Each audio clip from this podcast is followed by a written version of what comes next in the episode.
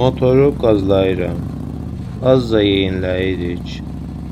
Yel isti havanı üzümə çırpıb vəhşiyana tumarlamaq istəyir. Mənim saçlarımı, sevgilimin sələçəyini rəqsə çağırır.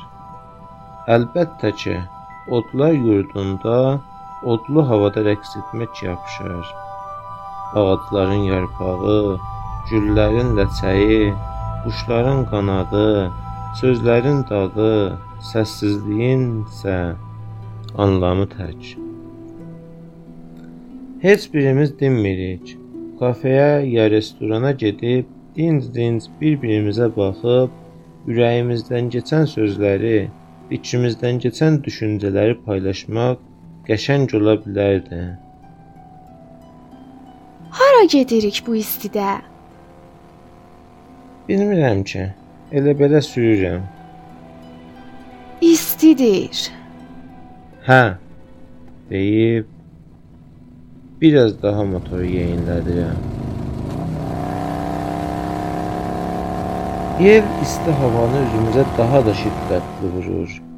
Mənim saçlarım sevgilimin sələçəyi daha da qıvraq rəqs edir. Qırmızı çıraqla rastlaşınca motoru dayandırıram. Maşınlar da bir-bir gəlib səfə düzülür. Saqqız, gül, qovuq, corab satan arvadlarla uşaqlar da bir-bir tapılıb maşınlara sarı axırlar. Qoca kişi də üzərlik salıb tüstüsü ilə pis nəzəri onlardan uzaqlaşdırır. Ancaq bizə sarı gələni olmayır. Köksümü hava ilə doldurub deyirəm: "Heç sən bilirsən şair nə deyir?" Nə deyir? Deyir: "Susmuşam, amma sinəm taxtçası sazdan doludur." Susmuşam, amma giley göylüm avazdan doludur. Sən şeir də başararsan? Qollarımı azca havalandırıb, "Bəli bəs, nə fikir etmisən? Mən hər şeyi başararam." deyirəm. Gülüb başını kürəyimə söykəyib dərin nəfəs alır. Sonra əli ilə köksümü oxşayıb köynəyimin boş cibini gəzir. Bir dənə mənim üçün şeir de. deyir. Çıraq yaşıl olub, biz isə yola düşürük. Motoru yavaş-yavaş qazlayıb azca düşünürəm. Sonra səsimi qalınladıb sözə başlayıram. Qızışıram. Tər damcıları damarlarımı şişdir. Başımı şaşıdır. Ciblərimi varlılarla bölüşmək istəyirəm.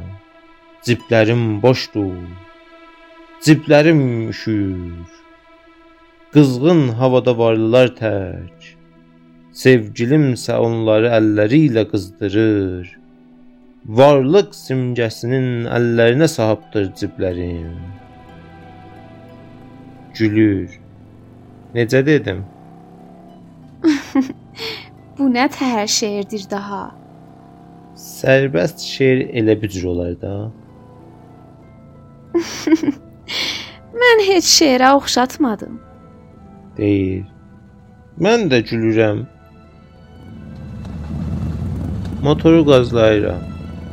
İsti yel ağacların yarpaqlarını, güllərin ləçəyini, quşların qanadlarını, sözlərin dadını, səssizliyin anlamını, sevgilimin saçlarını, mənimsə ciblərimi rəqsə çağırır.